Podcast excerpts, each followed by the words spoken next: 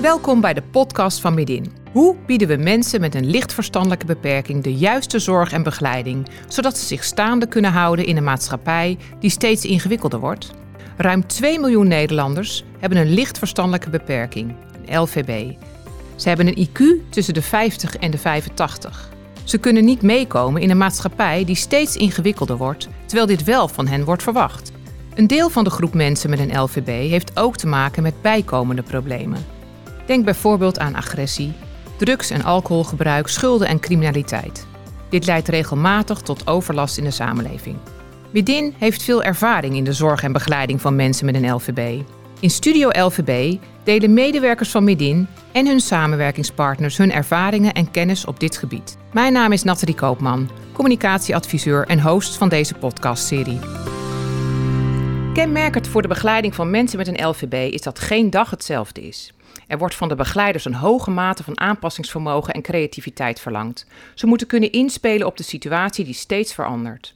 Dat is soms lastig, onder meer door onvoldoende kennis, angst en toenemende complexiteit in ondersteuning is er een reëel risico op handelingsverlegenheid.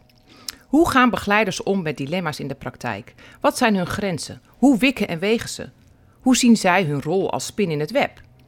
Ik praat met Kira Robbermond, gedragsdeskundige bij Midin, en Laura Kouwenhover, begeleider bij het specialistisch team LVB van Midin voor de regio Rotterdam-Rijnmond. Welkom. Dankjewel, dankjewel. Laura, wat voor cliënten begeleid jij? Um, het is heel erg uh, wisselend eigenlijk. Um, ik krijg cliënten via de gemeente, dat is via de WMO. Uh, de wet maatschappelijke ondersteuning. en ik krijg uh, ook cliënten via de, meer de forensische tak. Dus die zijn of uit, net uit de gevangenis of hebben een voorwaardelijke straf opgelegd gekregen. En hebben reclasseringstoezicht met ambulante begeleiding erbij. Uh, en ik ben ambulant begeleider dan van hun. En ja, dat scheelt heel erg. De, de meeste hebben een lichtverstandelijke beperking. of in ieder geval baat bij die aanpak. Uh, en dan daarbij zit heel veel. Ja, de een woont nog thuis, de ander woont op zichzelf. Um, dakloos kan ook. Dus ja, dat een beetje. En wat voor soort begeleiding uh, bied jij ze dan? Praktische zaken eerst. Eerst uh, stabiliseren. bijvoorbeeld um, financiële situatie, inzicht in krijgen, schulden. contact met de gemeente leggen. Um, maar natuurlijk ook de, meer de emotionele kant van ja, bijvoorbeeld uh, cliënten die het moeilijk vinden om met instanties te praten, daar veel spanning van krijgen. Nou, dan probeer je dat uh, weg te nemen. Uh, en, ehm, en ook gewoon al, ja, ook nog natuurlijk relaties die ze hebben waar ze problemen mee hebben. Ja, je bent een luisterend oor en je bent een, een regelneef. Ja, je begint wel echt vanuit de vertrouwensbasis. dat ga je wel eerst opstarten, want heel veel cliënten hebben al een hulpverleningsverleden en dat is niet altijd positief. Uh, omdat ze toch wel veel mee hebben gemaakt. Misschien is het al vaker opgegeven bij hun. Of in hun omgeving dat mensen geen vertrouwen in hebben dat het ooit goed komt met hun toekomst. En daardoor zelf dat ze ook weinig vertrouwen hebben in de hulpverlening. En denken, oh niet nog weer iemand. Dus je moet eerst uh, bewijzen dat je wat voor ze kan betekenen. Um, ja, dat doe je eigenlijk, uh, dat doe je eigenlijk ook door die, die basis van wat rust in het leven te brengen. Dat ze zien van oké, nu, nu zie, overzie ik het wat beter. En dan, uh, ja, dan vanuit daaruit kan je een vertrouwensbasis op gaan uh, bouwen en je werk gaan doen. En Kira, jij bent gedragsdeskundige. Ja. En wat is jouw rol dan uh, in de begeleiding van cliënten? Um, nou, ik heb cliënten in behandeling en voor vaak psychische problemen. Um, maar ik help ook begeleiders om te kijken hoe ze bijvoorbeeld die verbinding waar Laura het net over had, hoe ze die goed kunnen leggen of hoe ze beter in contact kunnen komen met de cliënten als dat soms moeilijk gaat. Dus ik ben wat meer op afstand en bij sommige cliënten wat meer betrokken als dat nodig is. Je ziet heel veel verschillen tussen cliënten wat ze nodig hebben. En uh, in sommige gevallen hebben ze inderdaad al veel meegemaakt. Dus dan uh, probeer, ben je misschien wat meer uh, op afstand eerst en probeer je goed te luisteren naar de cliënt. Uh, en eerst echt te leren kennen. Terwijl bij andere cliënten die uh, functioneren emotioneel bijvoorbeeld wat jonger. En zul je daar ook je begeleidingshouding op aan moeten passen. Dus uh, ben je misschien wel directiever of neem je iemand meer aan de hand mee. Dat is wel echt een, kan een verschil zijn tussen cliënten. En daar kijken we dan met elkaar naar. Wat heeft iemand nodig en wat is iemands vraag. En, en lukt het dan altijd om die verbinding wel te leggen? Nou, soms niet. Hm. En ja, soms ook wel. En als het niet lukt, dan, dan proberen we weer nieuwe dingen. Soms is het echt ja, zoeken naar hoe we het beste contact kunnen krijgen met de cliënt. Ja, we hebben bijvoorbeeld een gezamenlijke cliënt die, eh, die bij een andere instantie eigenlijk werd opgegeven qua behandeling. En terwijl behandeling een voorwaarde was van de, uh, vanuit de, rechter. Dus vrij belangrijk, want anders kon ze terug naar de gevangenis. Uh, maar die zagen geen motivatie voor behandeling en vonden het erg moeilijk met afspraken. Ja. nou ja, dan kan je zeggen, nou ja, ga terug naar de gevangenis. Maar ik denk dat niemand daar verder vooruit mee komt. Dus dan gaan wij wel als een soort uh, team, Kira en ik, uh, uh, zijn we, ja, ik ben de, de taxi, taxibedrijf geworden en ik zorg dat de cliënt echt afgeleverd wordt bij, bij Kira. En, ja. Maar wel meer dan een taxibedrijf. ja. Ik bedoel, tijdens jullie gesprekken, ja. tijdens je rit bespreek je ook veel. En dan lijkt het misschien vanaf de buitenkant gewoon alleen maar een taxi, taxiritje. Maar hm. ondertussen kan je juist ook die verbinding leggen. Je wordt op een ongedwongen manier toch een soort verplicht om met elkaar te praten in zo'n auto. Praat zelfs makkelijker dan inderdaad bij een uh, bureautje. Ja, maar dat is de enige manier om dan die cliënt eigenlijk echt de behandeling bij Kira te laten ondergaan. Doordat jij meegaat. Ja, ja, nou ja, dus zeker het begin. Weet je, misschien is het uiteindelijk niet meer nodig. Want dan zien ze, oké, nou ik heb hier misschien wat aan na deze gesprekken. Hè, maar die, die, dat, ja, die knop vinden is best wel moeilijk. Want ja, ja, het nut ervan inzien. Ja, als je al zoveel behandelingsgesprekken hebt gehad ja, dan snap ik wel dat je dan even weer over een drempel moet voordat je weer een therapeut toelaat en uh, op die manier. Jullie krijgen heel veel cliënten, zeg je, die al heel een hele lange geschiedenis achter de rug hebben bij allerlei andere instanties. Um, hoe lukt het jou dan wel om toch die cliënt uh, die begeleiding te laten ondergaan? Nou, ik wil wel eerst zeggen, het lukt niet altijd. Laten we niet een soort uh, wonder prediken. Maar um, wat ik wel denk is dat wat ik terughoor van cliënten, is dat we echt wel laten zien dat we niet opgeven. Dat ook al heb je me drie keer laten zitten voor een afspraak, ik sta er de vierde week gewoon weer. Um, en ik denk dat dat toch het belangrijkste is, dat je ze echt als mens ziet. Uh, niet als een van de zoveel cliënten, maar echt als deze persoon en uh, een bepaalde persoonlijke betrokkenheid ook wel laat merken van ja, ik wil graag dat je een betere toekomst hebt en ik wil ook dat jij daarin gaat geloven. Uh, en ja, dus niet opgeven en ook veel inlevingsvermogen uh, hoe het is om lichtverstandelijk beperkt te zijn en hoe het is in deze levens die vaak heel instabiel zijn, dat het eigenlijk niet zo gek is, dat het moeilijk is om je aan afspraken te houden en aan begeleidingsafspraken. Uh, dat het eigenlijk bijzonder is wat je wel kan doen. Eigenlijk dus ja, positieve daarnaar blijven kijken, denk ik. Ja. En, je hebt dan te maken met de cliënt, maar ook met heel veel mensen daaromheen. Uh, hoe ga jij uh, daarin te werk? Ja, veel contact, veel communicatie uh, en ook vragen naar de verwachting. Want soms denk je dat, dat, er, dat dit van de cliënt wordt verwacht of van mij als begeleider. en dan ben je eigenlijk helemaal niet hetzelfde aan het doen. Dus heel goed blijven, blijven checken of je wel hetzelfde spoor aan het bewandelen bent. Um, uh, ja, ook veel vragen aan de cliënt. Van uh, oké, waar heb je behoefte aan? Waar kan ik je ondersteunen? En, uh, en ook dat ook aan bijvoorbeeld aan de reclassering van hoe kan ik zorgen dat er wat meer grip op de cliënt komt? Hoe kunnen we dat met, ze, met als team doen, zeg maar? en met de gemeente ook, ja, zeker ook voor indicaties is het soms best wel ja, kijk, voor hun is het de zoveelste op een stapel papier. dus van ja, zij zien alleen maar die letters staan uh, en ik ken de cliënt erbij. Dus dan is het mijn taak om de cliënt over te brengen van oké, zo komt hij over in een gesprek, maar er zit wel een verhaal achter. En, en een cliënt met een lichtverstandelijke beperking, um, die is snel beïnvloedbaar hè, door de omgeving ook. Um, Misschien, Kira, kan ik die aan jou vragen inderdaad. Hè, van hoe ga je daar, daarmee om met die, met die beïnvloedbaarheid van een, uh, van een cliënt? En, en, hoe ga je daar als gedragsdeskundige en ook uh, begeleider dan mee om? Je bespreekt heel veel met de cliënt en je probeert ook uit te leggen over wat gevaren zijn en wat risico's zijn. Um, en zo probeer je de cliënt te behoeden van fouten of van niet handige keuzes. Maar uh, soms heb je daar ook geen invloed op. En dat is denk ik voor begeleiders ook wel lastig omdat, um, en dan heb je het meer over de cirkel van invloed. Wat valt dan binnen die cirkel en wat valt daarbuiten?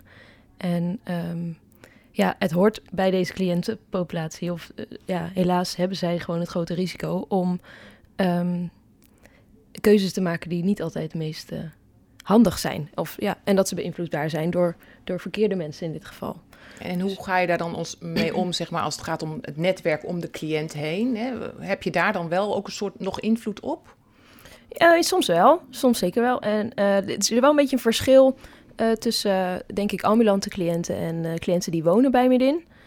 Waarbij bij ambulante cliënten, en dan heb je het bijvoorbeeld over ook mensen die wel dakloos zijn of die weinig netwerk hebben of weinig positief netwerk omheen hebben, dan probeer je dat natuurlijk wel te stimuleren en te kijken hoe zij positief netwerk op kunnen bouwen.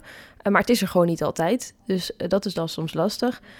Ik zie bij mensen die wonen bij Midin, zie ik wel vaker, niet altijd hoor, maar toch wel een netwerk van familie of vrienden die wat meer positief zijn. En die kun je heel goed betrekken om juist die cliënt de positieve kant op te krijgen en, en goede keuzes te maken. En hoe doe jij dat dan, Laura? Dat betrekken van familie of uh, ja. vrienden? Nou ja, het, het, gaat. Kijk, het zijn meerderjarigen. Dus uh, ja, ik ga ook niet zomaar aan, uh, aan jouw moeder allemaal dingen doorvertellen. Weet je wel? Dus, dus ja, dat is wel heel goed om dat altijd. ook al denk je van hé, hey, het zou goed zijn om de familie erbij te betrekken. Je moet echt toestemming van de cliënt hebben. Maar kijk, bijvoorbeeld, ik kom ook wel bij cliënten die dan met familieleden samenwonen. Ja, het zou raar zijn om hun niet erbij te betrekken, want ik kom gewoon in hun woning. Uh, dus dan is het wat natuurlijker. Maar zeker inderdaad, de dakloze cliënten heb je vaak heel weinig zicht op, uh, op hun netwerk. Dus dan praat je er meer over van hey, wie zou je om hulp kunnen vragen? Uh, ken je niet iemand, bijvoorbeeld stel dat ze iets nodig hebben of zo van en ze hebben geen geld. Van hey, heb je er al zo aan gedacht om het gewoon te vragen aan mensen? Dus op die manier. Maar ja, bij mijn, mijn, mijn rol, de rol van uh, de netwerken in, in mijn, uh, bij mijn cliënten zijn, is niet zo heel groot. Nee. Want het lijkt me best lastig hè, in je werk van, um, om ook een balans te vinden van hè, wat kun je nou wel, wat kun je nou niet doen. Uh, hè, om ook de, de cliënt zelf regie te laten geven. Ja. Um, hoe ga je daarmee om? Ja, ja, dat is altijd een beetje de vraag van wat neem je over en wat, wat niet. Um, en dat wisselt ook, denk ik. Ik denk dat je daar vooral heel bewust van moet zijn. Uh, en wat mij ook wel helpt, we werken dan uh, bij, bij een traject zitten we met, zit ik altijd met een collega. Uh, en dan nog een coördinator. Dus je, hebt, en natuurlijk ook nog gedragsdeskundigen. Dus, dus je hebt wel momenten om erover na te denken van... hé, hey, neem ik niet te veel over? en tegelijkertijd, weet je, soms neem je juist, overvraag je juist weer... dat je denkt, oh dat kan ik wel aan de cliënt overlaten. En drie weken later is er nog niks mee gedaan. Dan denk je, hé, hey, misschien heb ik dat even verkeerd ingeschat. Had ik dat eigenlijk wel veel meer ja, bij de hand moeten nemen, die cliënt. En uh, het op die manier moeten regelen. Ja, soms mag dat echt wel vaker. Dat, uh, dat we cliënten best wel overschatten, ook in die zelfredzaamheid. En we willen ook graag dat de cliënt uh, eigen regie heeft en zelf dingen kan doen. Uh, maar daarbij vergeten we soms dat voor sommige cliënten ook gewoon echt heel moeilijk is. Ze functioneren echt op, op hun toppen, zullen maar zeggen. En dat continu. En je kan je dan voorstellen dat als wij dat zouden moeten doen, dan, dan dat we dan op een gegeven moment ook uh, moe zijn, uitgeput. En uh, hebben zij ook nog vaak de neiging om niet op te willen geven. En ze willen niet onderdoen ten opzichte van anderen. Dan is het soms wel fijn als iemand, als een begeleider kan zeggen: Ik neem het even van je over. Ik ga het nu samen met je doen. Of ik ga dit even voor je regelen. Dat is soms, best wel prettig. En ook omdat ze dat vaak niet gewend zijn. Want toch best wel veel hechtingsproblematiek uh, bij mijn cliënten. Dus ze zijn eigenlijk niet eens zo gewend dat iemand het echt gewoon voor jou wil doen, zonder daar iets voor terug te krijgen, zeg maar.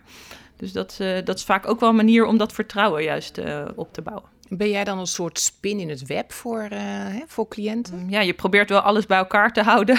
Soms is het echt wel, zeker sommige cliënten zitten echt al heel lang in een soort overlevingsstand. En dan, ja, dan doe je je best om dat web een beetje, ja, hoe noem je dat, aan elkaar vast te, te breien. Um, ja, dus dat, dat herken ik wel. Ja, alle instanties bij elkaar te houden en ja. En alles veroorzaakt ook een soort trilling. Als er ergens wat gebeurt, dan in de rest van het web gaat het ook trillen, zeg maar. Dus ja, dat herken ik wel.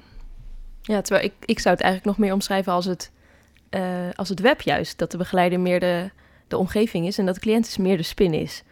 En uh, dat er in dat web van alles kan gebeuren. Hè? De, jij gaat links en de, de, de spin of de cliënt gaat rechts. En uh, ja, daar zul je dan toch maar mee mee moeten gaan. Of uh, er gebeurt iets in het web en de cliënt als begeleider zul je daar toch op af moeten gaan of ondersteunen.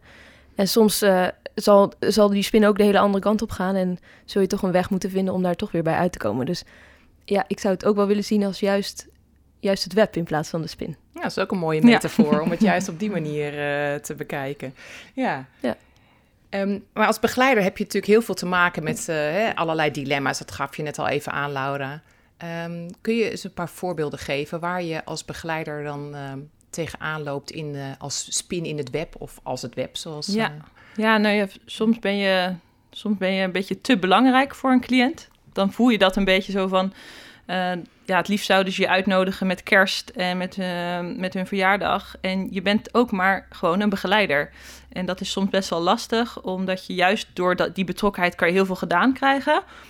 Maar je wil ook een toch een bepaalde afstand houden, omdat je ook een beetje objectief moet blijven en uh, ja, de juiste dingen moeten doen. Dus er niet helemaal in meegaan. En ook voor jezelf, ook als een, uh, ja, om jezelf ook te bewaken. Weet je, ja, je moet het ook weer, zodra ik mijn werktelefoon uitdoe, moet ik het ook weer even loslaten. Want ja, je kan anders niet uh, je energie blijven hebben als je daar de hele tijd mee bezig blijft. Dus ik denk dat, uh, dat dat altijd wel lastig is. De nabijheid en de afstand uh, dilemma, zeg maar. Ja, want je neemt toch ook uh, dingen mee naar huis, kan ik me voorstellen. Ja, dat doe je wel. Ik, ik ben wel goed in het, in het weer loslaten. En ik heb gelukkig echt een heel fijn team. Dus ja, weet je, het is niet dat als ik er afwezig ben op vakantie of zo, dat ik heel erg zit te piekeren van, oh. Maar ja, soms schrik je wel wat er is gebeurd in je vakantie, weet je. Ja, dan kom je terug en denk oh, die zag ik niet helemaal aankomen. En dan is het opeens weer, uh, ja, heel veel instabieler bij een cliënt. En dat komt niet per se door mijn vertrek, dat is meer gewoon het, uh, het leven van uh, mijn cliënt. Dat zal altijd in golfbewegingen gaan. Dus ja, dat is wel soms lastig om te accepteren hoor. Dat het nooit, het zal nooit helemaal stabiel worden. Kira, wat, welke dilemma's zie jij in uh, de begeleiding van cliënten? Mm, nou, je kan, wat ik nu uh, de laatste tijd best wel vaak hoor, is dat begeleiders zich ook wel verantwoordelijk voelen voor wat cliënten doen. En dan hebben we het net al een beetje over gehad over dat ze beïnvloedbaar zijn. Maar ze maken natuurlijk ook keuzes die jij misschien anders gedaan zou hebben. En je werkt heel erg aan doelen met, met cliënten. En soms lukt het niet om zo'n doel te behalen. Of werk je heel hard en lukt het de cliënt toch niet. En voelen begeleiders zich soms wel echt verantwoordelijk voor de, voor de keuzes die we uh, cliënten maken. En die druk wordt soms ook wel vanuit uh, uh, externe instanties ook wel nou ja, opgelegd, wil ik niet zeggen, maar het wordt wel een bepaalde verwachting neergelegd dat een begeleider iets voor elkaar kan krijgen bij een cliënt. En dat kan gewoon niet altijd. Dus ik kan me voorstellen dat dat wel voor dilemma's zorgt, ook bij de begeleider. Dat dat soms zorgt van, ja, ik wil het goed doen, ik probeer van alles te doen, maar het lukt niet. En ehm, ik voel me verantwoordelijk daarvoor. Ja, ja en ook uh, wat ik ook wel, uh, privacy vind ik ook wel echt een dilemma. Omdat uh, bijvoorbeeld als ik iemand van de gemeente spreek die over de indicaties gaat, dan, ja, dan heb je dat gesprek met de cliënt erbij. En een cliënt kan, kan zeggen: Oh nee hoor, ik heb daar helemaal geen hulp bij nodig, want het gaat heel goed. En nee, nee, want als er wat is, dan heb ik mijn begeleider verder. Nee, is allemaal prima. Dus, en dan soms denk ik: Ja Oké, ja, je moet dus de vertrouwensrelatie van de cliënt niet uh, schaden. Dus je moet ook uh, heel transparant zijn. Maar je kan daarmee ook, uh, ja, toch een beetje... Um, ja, conflicten krijg je daarmee van, van ja, je wil graag zeggen waarom, waar, wat er allemaal voor hulp nodig is. Maar je wil ook iemand heel erg in zijn kracht houden en zeggen van nee, ja, je kan het ook. Maar je moet de gemeente ook overtuigen dat er geld nodig is. dus dat is echt een dilemma soms. Soms wil je meer zeggen dan dat je kan zeggen. Ja, zeker als je in gesprek zit met een cliënt en een externe partij, waarbij je echt ook wel de zorgen wil bespreken, maar je met cliënt vaak focust ook op juiste dingen die goed gaan, om cliënt in zijn kracht te zetten, om succeservaringen te delen. En dan is het moeilijk om in zo'n gesprek te zeggen, ja, maar dit en dit en dit gaat niet goed. Um, ja. Waar de cliënt dan ook bij is. Het voelt ook wel confronterend, denk ik. Ja, en ook, ook dan zie je ook weer die overvraging. Want ja, mijn cliënten zien er gewoon als normale mensen uit. Dus een gemeente uh, medewerker die denkt ook snel van, oh, nou, volgens mij kan die dat prima. En, uh, want mijn cliënten zijn ook heel goed in zich heel goed voordoen en sterk zijn. En dat hebben ze ook geleerd als een overlevingsmechanisme. Want je moet geen kwetsbaarheid laten zien, want dan komt er allemaal uh, toestanden. En dus dat, dat is gewoon echt lastig, want die overvraging die zie je ook heel erg bij gemeenten. Ja. Hm. En ook het begrijpen, hè? want ja, soms heb je zo'n gesprek, maar dan na afloop vraag ik aan de cliënt van ja, begreep je wel eigenlijk wat er gevraagd werd en zo. En dan blijkt toch dat het niet helemaal uh, goed is uh, overgekomen. Ja, je bent echt een soort vertaler van naar de cliënt toe, maar ook naar de externe partij. Ja. Hm. Hey, en jullie hebben te maken met heel veel instanties. Hè? Je noemde net al even de gemeente, maar inderdaad, reclassering kwam ook al uh, voorbij. heb je het gevoel dat zij jullie als begeleider ook als spin in het web zien? ja, heb ik wel het idee. Ik heb ook wel het idee dat ze echt ja, gebruik willen maken van onze diensten. en ze hebben er ook wel vertrouwen in soms hebben ze niet helemaal uh, reële verwachtingen. Want ehm, bijvoorbeeld krijg je maar een heel klein, ehm, kleine budget voor een cliënt die echt waar zoveel speelt. En eh, dan vind ik dat soms wel eens dat ik denk van ja, dan houden ze er niet rekening mee dat onze doelgroep ook nog, uh, nou zeg, de helft ongeveer van de afspraken ook nog afzegt of verplaatst. En dan, uh, dan snappen ze niet dat je dan eigenlijk wat meer uur nodig hebt, alleen al om die cliënt te spreken te krijgen. Ja, dus Dat, uh, dat moeten we soms misschien nog wat duidelijker overbrengen. En merk je dan ook inderdaad dat instanties toch eigenlijk ook te weinig afweten van uh, nou ja, het feit dat iemand lichtverstandelijk beperkt is en wat hij wel of niet kan? Nou, wel vooral denk ik ook over de, hoe de begeleiding er dan uitziet. Wat zijn we dan eigenlijk aan het doen de hele tijd? En, en daar zijn de verwachtingen denk ik soms te hoog. Omdat Um, we kunnen wel een, een, plannetje uitzetten hoe we iets kunnen aanpakken of we iets kunnen aanleren of over hoe we financiën in, uh, in kaart kunnen brengen bijvoorbeeld. Maar het loopt altijd anders. Dus je kunt wel zeggen, nou daar gaan we drie afspraken over doen, maar daar wordt al eentje van afgezegd. En vervolgens is er ook nog een ruzie waar de cliënt uh, in verzeild is geraakt en die moet je ook nog bespreken, want de emoties lopen te hoog op, waardoor je tijd toch wel beperkt wordt en dan duurt het allemaal langer. En ik denk dat dat soms wel eens vergeten wordt. Dat zo'n traject, dat gaat niet, kun je niet zo, zo makkelijk uitstippelen. Nee. nee. En, en dus ook nog, ja, je, bijvoorbeeld, uh, dan heb je een dakloze cliënt. En dan na een half jaar is er nog geen huisvesting. Ja, dat, dat is wel de realiteit. En dat ligt niet per se aan mij. Dat ligt aan uh, de maatschappij en wachtlijsten. En, uh, en ook soms dan heb je iets, maar dan kan een cliënt het ook afwijzen. Want het zijn ook het zijn vrijwillige trajecten. Als ik dan bij forensisch woon, is het natuurlijk een beetje anders. Maar ja, met mijn WMO-cliënten, ja, het is vrijwillig. Dus ik kan niemand dwingen om iets aan te nemen. Dus dan is dat soms wel lastig. Van waarom heb je nog geen resultaat geboekt? Nou, kom maar even in mijn schoenen staan, prima. Ja, dus als, dus als spin in dat web inderdaad, dan uh, dat web kan je niet zomaar uh, hè, uh, uitbreiden nee, of dat zou fijn zijn. versterken. Ja. Nee, dat is dan het probleem. Want um, jullie hadden het inderdaad al even over de dilemma's waar je tegenaan loopt, ook in de begeleiding. Um, zijn er ook voorbeelden waarbij je zegt van ja, nee, dit, hier gaat echt een grens, gaat er echt een grens over, hier, hier stop ik met uh, begeleiding? Uh, nou, dan, dan moet je het wel bond maken hoor, bij ons. Het, soms kom je wel uh, erachter dat, een, uh, dat het geen match is tussen de cliënt en de uh, begeleider. Dat heb ik zelf ook meegemaakt. Bijvoorbeeld een cliënt die achteraf gezien kwam ik erachter dat hij mij te jong vond. Um, en hij had zelf vervelende ervaringen met jonge hulpverleners. Maar dat, dat is niet dat ze dat tegen je zeggen, zo van: Ik vind jou te jong. Maar je merkt van: hé, hey, er is iets. Wat, wat, wat voor weerstand is er? Dus dan moet je dat eerst gaan uitzoeken. Oké, waar komt dat vandaan? En als je het recht, recht uh, toe aanvraagt, dan krijg je misschien niet het antwoord. Dus dat is wel echt uh, de uitdaging om die vraag achter de vraag te vinden. En, uh, en daar kwam ik dan achter. En dan kan je ook gewoon, ja, dan heb je het daarover met je coördinator en je medebegeleider. En ja, op deze manier werkt het gewoon niet. Kunnen we niet een andere collega koppelen? Dan moet je niet uh, trots zijn, zo van ja, maar hij moet gewoon accepteren dat ik, uh, weet je wel, ik ben gewoon bevoegd om dit werk te doen. Nee, dan moet je denken van wat heeft zin voor dit traject en dan moet je gewoon een stapje achteruit doen. En dat gaat nu beter met een oudere, een oudere collega. Volgens mij maar vijf jaar ouder, maar geeft niet. ja, en aan de andere kant heb je natuurlijk ook de dilemma's voor de begeleiders. Ik bedoel, zijn ook maar mensen. Dus um, daar krijg ik dan nog wel eens mee te maken met uh, mensen die, begeleiders die tegen hun eigen grenzen aanlopen. Um, dat cliënten voor een gevoel ook toch wel een beetje onder hun huid gaan zitten of veel van hun vragen. Um, en, en ik kan me voorstellen dat, dat dat ook nog wel een dilemma geeft voor begeleiders. Hoe geef je dan je eigen grenzen aan? Hè?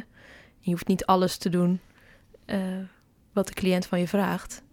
Dus... Wat geef jij dan voor tips aan uh, je collega's? Nou, soms dan uh, hebben, we het er, hebben we het erover waar het vandaan komt. En er zit er misschien ook wel eigen ervaring in van, van die ze eerder hebben meegemaakt met cliënten of gewoon uit privé privéleven. Dus daar kunnen we het over hebben.